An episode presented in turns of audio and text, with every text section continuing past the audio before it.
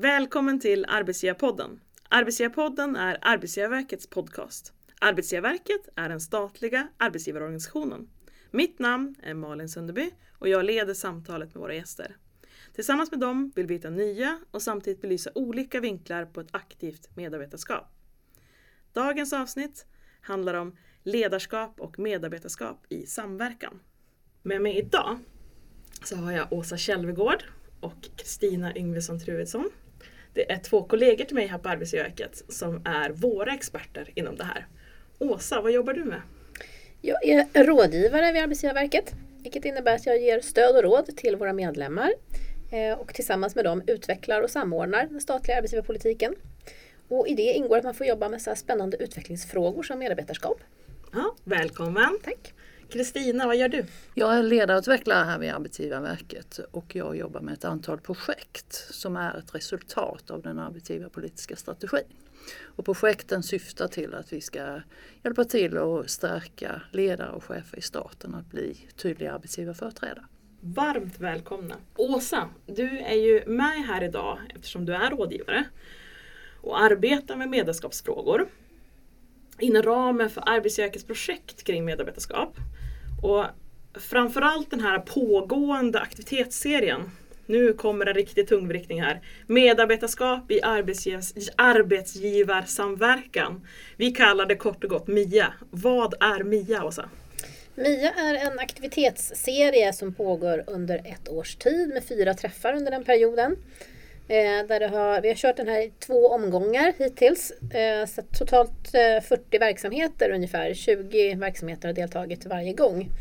Och då träffats under de här fyra tillfällena och tillsammans utbytt erfarenheter, diskuterat de här frågorna och fått inspiration på olika sätt. Eh, och det är utifrån eh, mitt deltagande i MIA då att vara liksom facilitator under de här träffarna så har jag fått höra mycket om hur medlemmarna tänker och resonerar kring de här frågorna, vad de gör i sina egna verksamheter. Så det är utifrån den erfarenheten jag tänkte försöka dela med mig lite idag. Ja, det jag tror jag blir ett jätteintressant perspektiv. Kristina, du är med här idag utifrån din eh, mångåriga chefserfarenhet från eh, framförallt Försvarsmakten. Där du arbetade som chefsutvecklare och eh, de närmaste två åren så kommer du att vara här på Arbetsgivarverket och jobba med de här frågorna. Mm. Och jag eh, har ju med mig min erfarenhet dels från att ha varit chef själv och eh, haft eh, ansvaret för chefsutveckling i Försvarsmakten bland annat. Men jag har också jobbat med coaching och jag har jobbat med rekrytering av chefer under många år. Och jag har haft många samtal med chefer så att det är väl min samlade erfarenhet under de här 20 åren som jag kan ska försöka dela med mig av. Arbetsgivarverket menar på att ett aktivt medarbetarskap innebär att medarbetarna både kan och tar ansvar för sitt arbete och verksamhetens utveckling. Och det, man måste ju ha båda de benen. Och medarbetarskapet lägger grunden för såväl en bra arbetsmiljö och gör ju då även arbetsgiv arbetsgivaren mer attraktiv. Hur ser du på den här synen om ett aktivt medarbetarskap utifrån dina erfarenheter som chef? Jag kan bara hålla med om den synen och säga att eh, så är det.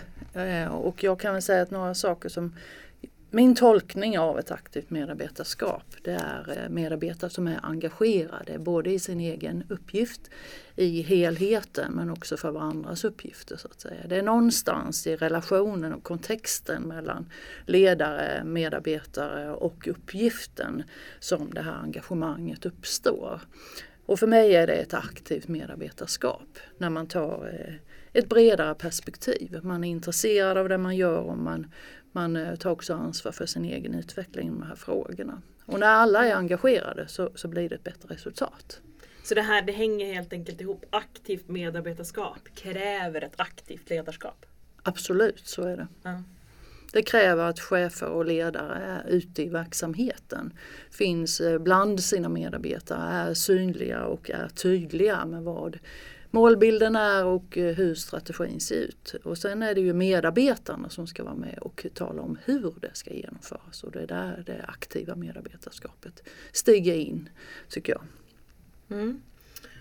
Åsa, hur upplever du att medverkan och deltagarna i de här verksamheterna i MIA har resonerat kring synen på ett aktivt medarbetarskap? Ja, när vi har frågat deltagarna om vad medarbetarskap egentligen är eller vad som utmärker ett aktivt medarbetarskap så har de lyft fram sådana saker som engagemang, delaktighet, ansvarstagande, förhållningssätt, lojalitet och relationer. Eh, och de lyfter också fram behovet av att varje medarbetare i ökad utsträckning, i och med att de får ett större ansvar för hur man ska genomföra saker och ting, så behöver de i större utsträckning kunna leda sig själva och ta det ansvaret. Och man kan höra att man börjar prata mer om självledarskap. Vad är självledarskap? Det låter ju nästan farligt. Nej, men att, att kunna ta ett ansvar för att planera hur man ska utföra uppgiften även om man i dialog med sin chef först har kommit helt överens om vad är målet, vad är det jag ska göra? Jag kan hålla med eh, Åsa om det hon säger där, för det är ju extremt viktigt att eh, chefer låter medarbetarna ta fram huret så att säga i hur uppgiften ska lösas.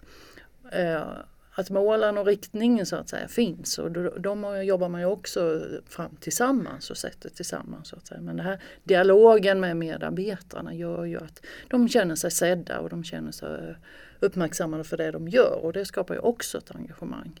Så att eh, dialogen är om huret men inte peka på hur det ska vara exakt utan det lämnar man över till medarbetarna.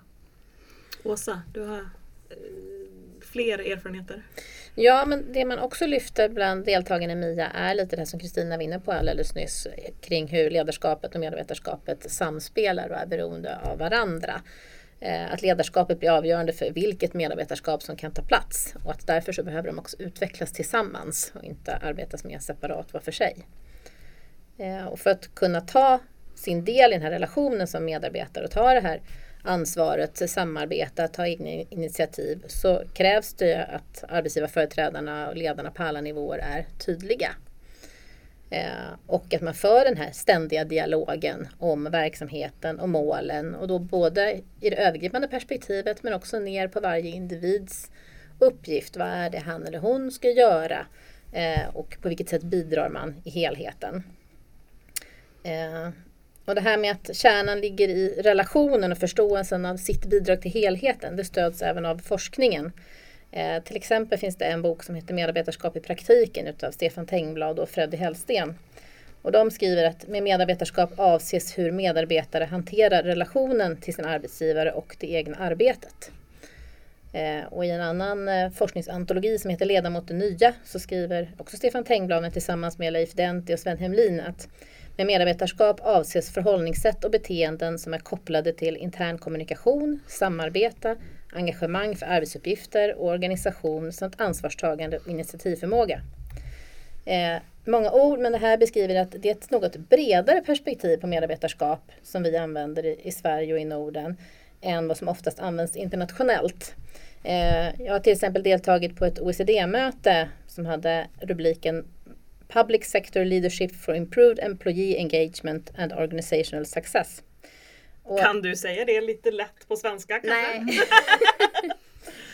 eh, nej men det handlar ju om alltså, den offentliga sektorn som ska jobba för ett ökat medarbetarengagemang och eh, ja, organisatorisk framgång. Eh, men det som framgick ganska tydligt är att man i de flesta andra länder ofta begränsar sig till att bara prata just om medarbetarnas engagemang medan vi ofta pratar om mer, lite bredare än bara engagemanget. Mm. Har du någonting som du vill tillägga där Kristina? Ja, ur ett ledarperspektiv och ett chefsperspektiv så, så, är det väldigt enkelt att säga att man ska ha ett aktivt medarbetarskap, att man ska släppa huret. Men, men, när man är i situationen och man har medarbetare och man har kanske en uppgift som man ska lämna ut. Jag har själv varit där och jag vet hur det känns så, så um, gäller det att ha mod att göra det också. Mm. Och, och, jag har ett exempel där jag fick en helt ny medarbetare som skulle lösa en helt ny uppgift på vår enhet som inte hade funnits tidigare. Där vi i dialog eh, kunde konstatera att nej men det var inte riktigt klart och inte riktigt eh, utklarat hur uppgiften såg ut. Och, och, där jag lämnade ganska fria händer till henne och sa att man går och fundera och reflektera över den här uppgiften och kom tillbaka. Eh, så kan vi föra en dialog. Och, och, eh, det är klart man har ont i magen när man lämnar iväg en uppgift och inte vet hur den ska komma tillbaka i vilken form. Men jag kan ju bara säga att det jag lärde mig ur den situationen var att det är medarbetarna som är experterna och det blir så mycket bättre än om man själv försöker styra i detaljerna. Så att det gör lite ont i magen ibland men det där får man eh, kämpa med som chef. I Arbetsgivarverkets skrift Chef i staten så finns det, jag har den framför mig nu, så finns det ett område med nio pusselbitar som måste vara på plats för att man ska kunna vara en bra ledare och tydlig arbetsgivarföreträdare. Och de här nio, det handlar om att man ska ha ansvar, dialog och engagemang. Och det handlar ju med sina medarbetare. Befogenheter, arbetsgivarsamverkan och förstå verksamheten och verksamhetens strategi. Eh, kunna följa och sätta mål och jobba med kunskap och stöd. Och stödet ska ju både kännas från organisationen men också möjlighet att ge stöd till sina medarbetare. Jag kan bara säga absolut. Jag, jag ehm, understryker vikten av alla de här delarna. Sen finns det några delar till som jag tycker är viktiga och som jag har under min tid både när jag har talat med chefer och varit chef själv så är det ju faktiskt också att man måste tycka att det är roligt att vara chef. Man måste ha gått in i chefsrollen och ledarrollen. Varit beredd på vad det innebär att ta det ansvaret men också tycka att det är kul. Det tycker jag är jätteviktigt. En annan sak är också att man eh, måste ta hand om sin hälsa, både fysiskt och psykiskt. Och, eh, för det är en del av, av utvecklingen av dig själv som chef. Och de måste också finnas på plats. Och, och jag tänker när jag hör det här att det finns en, eh, en dubbel relation i detta. Organisationen har ett ansvar att tala om hur styrstrukturer ser ut och vad jag har för ansvar som chef.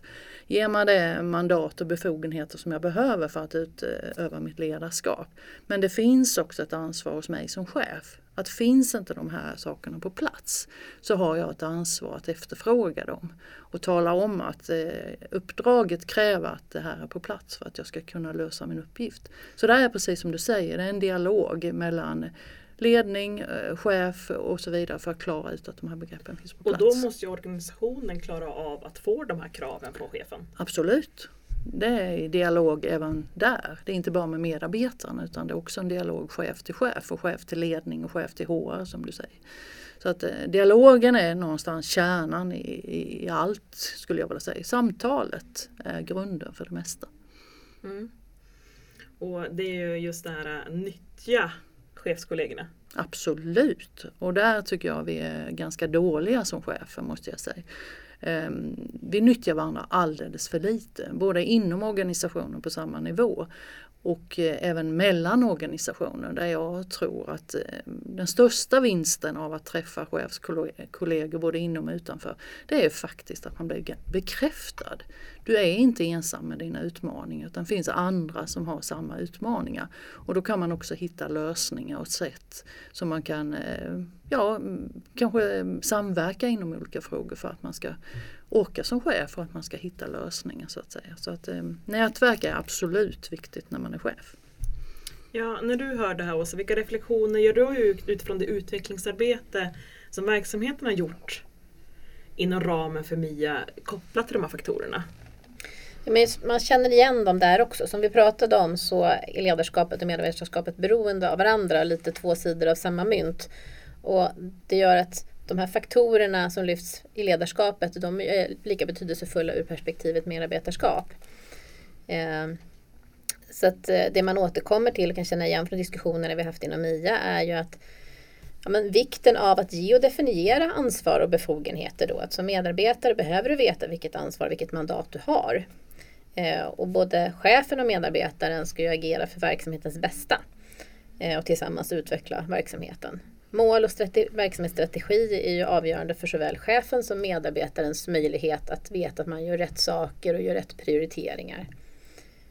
Ehm, och eh, att det här med att ledarskapet styr vilket medarbetarskap som tar plats, det kan man exemplifiera också i hur MIA-deltagarna arbetar med de här frågorna. Någon beskrev till exempel att de hade börjat med att intervjua sin GD om GDns syn på ett gott ledarskap. Sedan hade man gjort samma typ av intervjuer med ledningen och sen hade man diskuterat här i workshops med samtliga medarbetare för att liksom sprida och dela synen. Mm.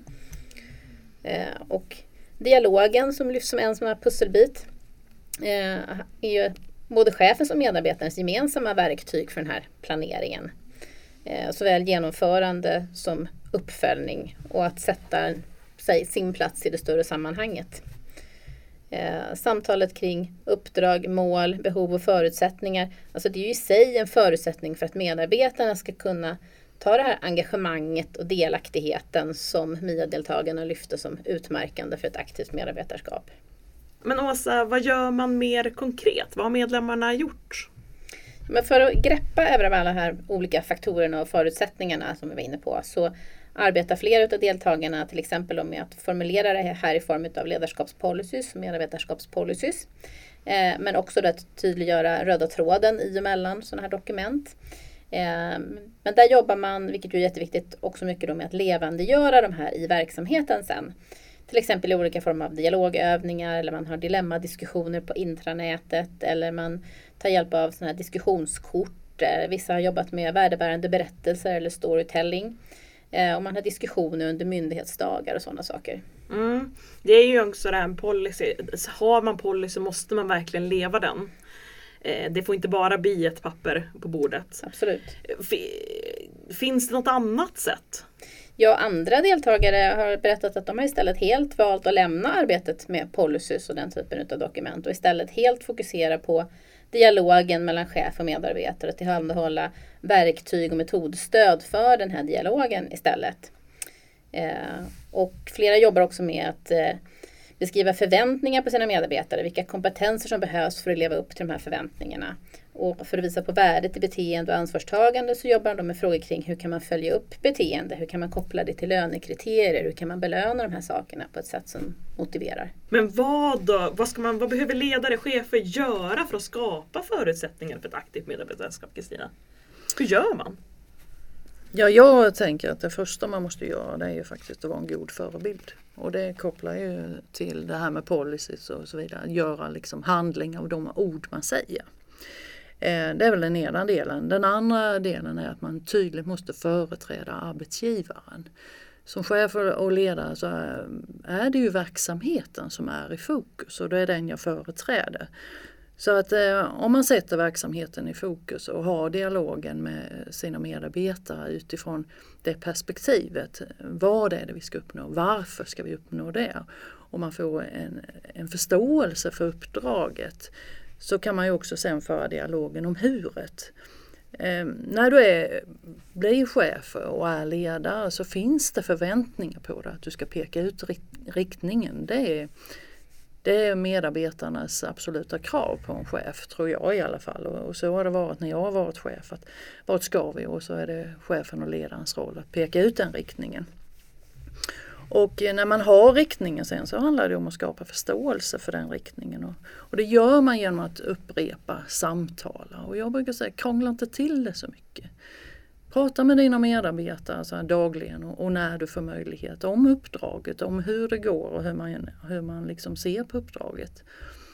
Har man väl fått den här gemensamma bergstoppen så, så är det också viktigt att man hittar en gemensam väg dit. Så man, eh, när man eh, når målet så att man faktiskt står på samma bergstopp. Och det är ledarens eh, och chefens uppgift, det är att sätta kompassriktningen i detta och skapa den här förståelsen. Sen tycker jag att, att eh, det här som jag sa tidigare också om att vara synlig, vara tillgänglig, vara nåbar. Eh, skapa förutsättningar för medarbetare och röja undan hinder. Det är ju också en stor uppgift. Och sen tycka om dina medarbetare.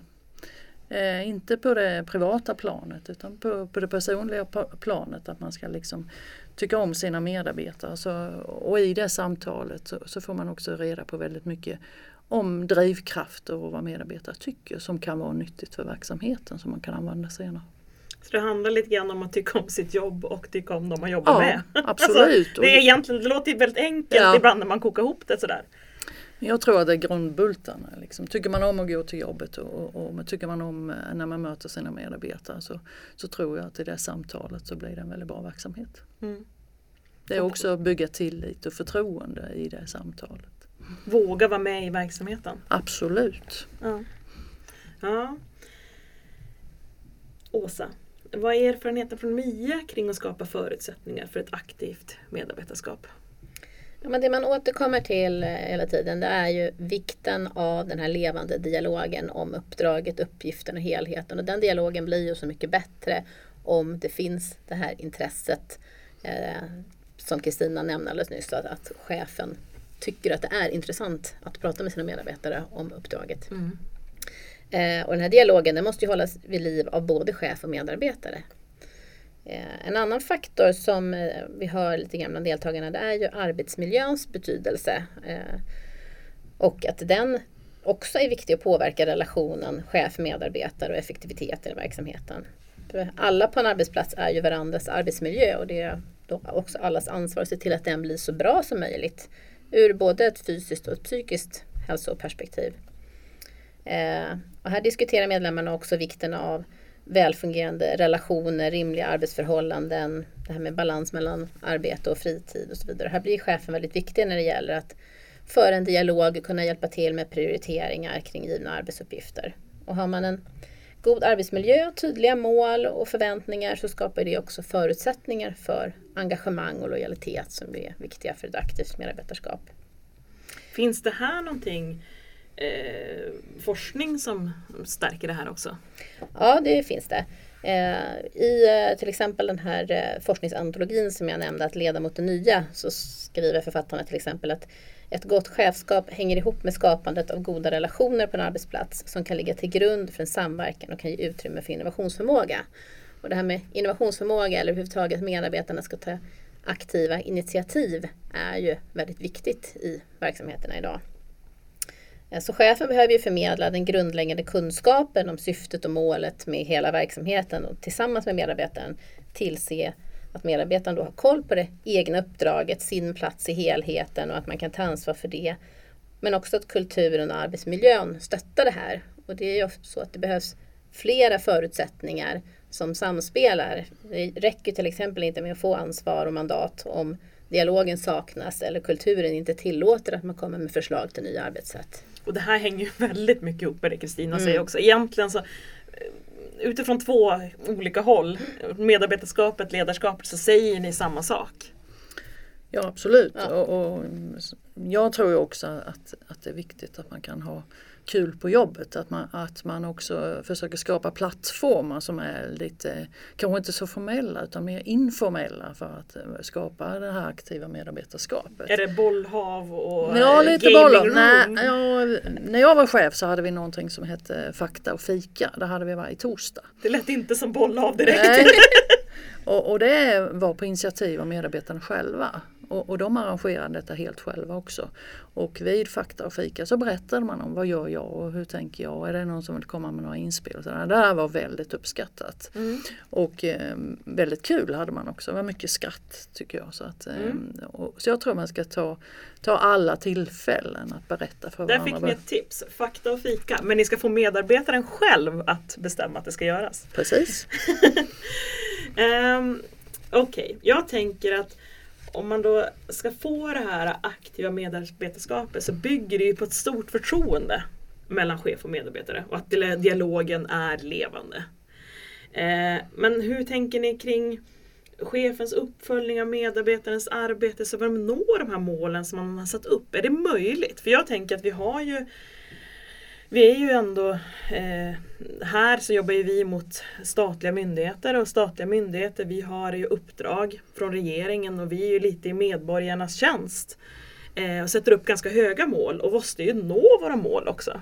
Kan man på det här sättet nå sina mål? Det är ju en fråga som jag tycker är intressant.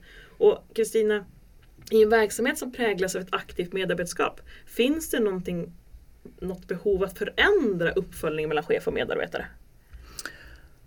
Ja, det skulle jag vilja säga. Upp, uppföljning måste man ha, absolut. Mm. Eh, kanske mindre av kontroll men mer av uppföljning. Och uppfölj Vad är skillnaden på kontroll och uppföljning då? Nej, men uppföljning är väl att man eh, på något sätt eh, ständigt eh, följer sina medarbetare i det arbetet som görs utan att, att komma med pekpinnar och så vidare. Utan, utan man gör det mer i, i dialog och samspel för att skapa en förståelse så att säga för uppgiften också. Så man följer utvecklingen, att den går mot riktningen så att säga och inte gå in och kontrollera Kanske på sätt som inte heller är tydliga utan mer otydliga så att säga. Utan uppföljningen måste vara tydlig i dialog tycker jag. Och, och, eh, ett aktivt medarbetarskap kräver tätare uppföljning skulle jag vilja säga. Det, det kräver fler samtal och det kräver mer eh, så att säga avstämningar mot riktningen. Går vi på rätt håll? För om man nu har modet att släppa på huret så måste man ju någonstans fånga riktningen i alla fall. Så absolut fler, mer uppföljning eh, mot riktningen så att säga. Samtal om prioriteringar, samtal om uppgifter, samtal om kompetensen. Finns kompetensen? Behöver man eh, komplettera den på något sätt och så vidare. Så att, eh, och här kan man ju också säga kopplat till detta att, att följa upp och ge feedback och det här det, det, mm, vet jag av egen erfarenhet men också i samtal med andra chefer. Det kan vara väldigt svårt att ta det där samtalet. Speciellt om det är det en engagerad medarbetare som går mot målet, ja men det är väl bara kul. Men är det en medarbetare som kanske har ett oengagemang och inte driver mot målet, då är det svårare. Då är vi tillbaka i magkänslan igen och säger att ja, liksom, då känns det i magen. Men ett samtal som måste tas. Eh, och min erfarenhet är att ofta blir det där samtalet väldigt bra. Och ofta så, så går man ur det där stärkta bägge två. Så att uppföljning ja och feedback ja hela tiden. Ja, för när jag lyssnar på det här låter det ju eh, jag blir lite såld. och det låter ändå som att man skulle nästan, det är lättare att nå målen när jag men eh, att man liksom tillsammans med täta uppföljningar är väldigt, ligger väldigt nära målsnöret hela tiden. Absolut. Och har riktningen framme. För när jag har, får en uppgift och ska lösa den, har jag löst den fel, ja, då måste jag göra om den. Precis, och då har man en längre sträcka till men, men om man gör små justeringar hela tiden så är det som du säger, det är mycket lättare att nå målet och det går mycket fortare. Mm. Eh, så att absolut, jag kan bara hålla med. Åsa, Finns det något behov av att förändra uppföljningen mellan chef och medarbetare i det aktiva medarbetarskapet? Eh, säger ni någonting inom MIA, säger medlemmar någonting där om det? Har ni kommit liksom till uppföljning? Ja men det har vi gjort, det har vi pratat om. Eh, och eh, ur MIA-deltagarnas perspektiv så bekräftas jättemycket av det här som Kristina säger. Eh, man har lyft fram det här med att mer ansvar och mer mandat till medarbetarna Eh, att de förväntas driva saker framåt på ett mer självständigt sätt och så, då behövs det också en tätare uppföljning och att den behövs ur flera perspektiv. Dels för att chefen då behöver ha koll på att arbetet löper på som planerat och mot målet och så vidare. Men också i perspektivet att medarbetaren behöver känna sig sedd, eh, uppskattad, att det arbete man lägger ner faktiskt syns och, och betyder någonting. För att, att medarbetaren får större ansvar och själv får planera hur man löser sin uppgift, det minskar ju inte behovet av någon slags bekräftelse att man är på rätt väg.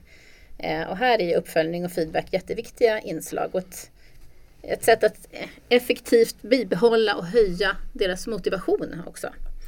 Eh, men att få till den här uppföljningen, avstämningen och uppmuntran i vardagen, det är en liten utmaning som medlemmarna har diskuterat en del kring. Mm. Men hur skulle ni vilja sammanfatta då, eh, utifrån era uppdrag och erfarenheter, vad är framgångsrik eller avgörande för att utveckla ett aktivt medarbetarskap? Kristina?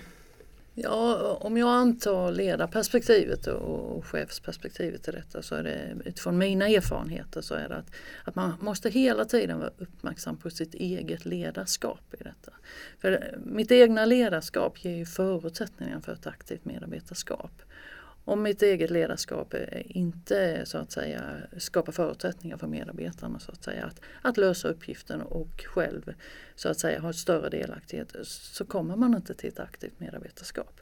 Så mm, det personliga ledarskapet är viktigt eh, också i det här så, och, och där tror jag att man måste vara lyhörd åt alla håll mot medarbetare, mot uppåt i organisationen och, och eh, sina chefskollegor och så vidare. Så att man hela tiden jobbar med sitt eget ledarskap.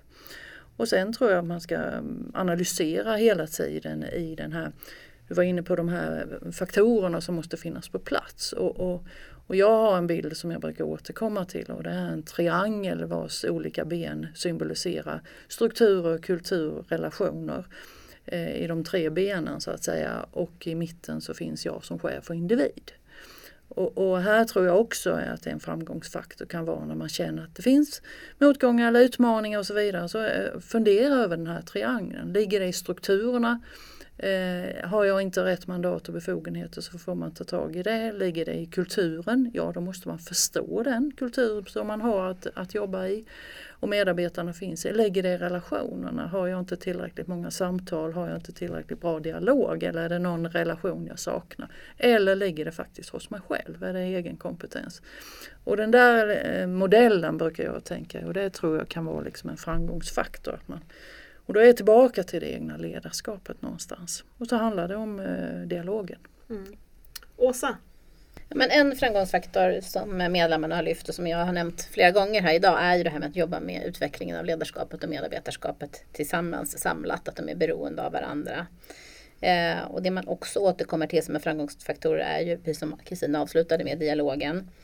Eh, att ge den här kontinuerliga feedbacken så att medarbetaren får känna sig sedd och uppskattad också.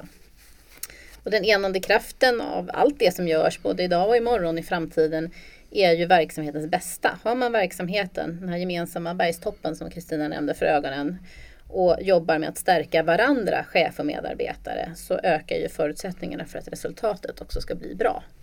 Det är dags att avsluta.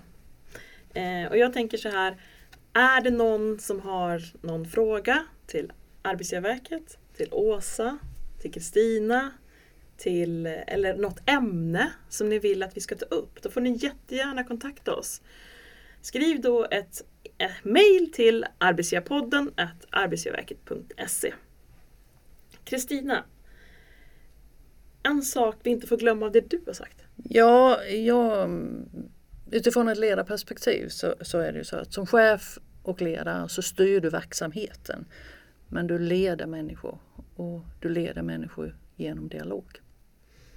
Åsa, en sak som vi inte får glömma av det du har sagt. Ja men då får jag koppla på där, det här att prata med varandra. Att dialogen är ju det sätt, verktyg vi har att tillsammans gå mot målet. Jag ser bergstoppen framför mig. Tack Kristina och Åsa för att ni var med idag. Genomgående i alla avsnitt är att om man stärker det aktiva medarbetarskapet genom att arbeta med team, som i avsnittet om effektiva team, eller värdegrundsarbete som i styra med värderingar och därmed får effektivare verksamhet så behöver man samtidigt jobba med ledarskapet. Detta tema har också återkommit flera gånger då ledarskapet och medarbetarskap hänger ihop. Ett viktigt verktyg för att utveckla både verksamheten och medarbetarna, det vill säga det aktiva medarbetarskapet, är den kontinuerliga dialogen. Alltså samtalet mellan dig som chef och dina medarbetare. Till det så krävs också uthållighet. Och som jag har sagt tidigare, där det finns medarbetare finns det ett medarbetarskap. Det handlar alltså inte om att skapa ett medarbetarskap, utan om att utveckla det befintliga medarbetarskapet till det man vill att det ska vara. Och i den här processen är det mycket viktigt att medarbetarna involveras tidigt. Tekniken står Sara Nyckelsnoja för, mitt namn är Malin Sunderby. Arbetsgivarverket menar på att ett aktivt medarbetarskap leder till att statliga verksamheter blir mer effektiva och attraktiva.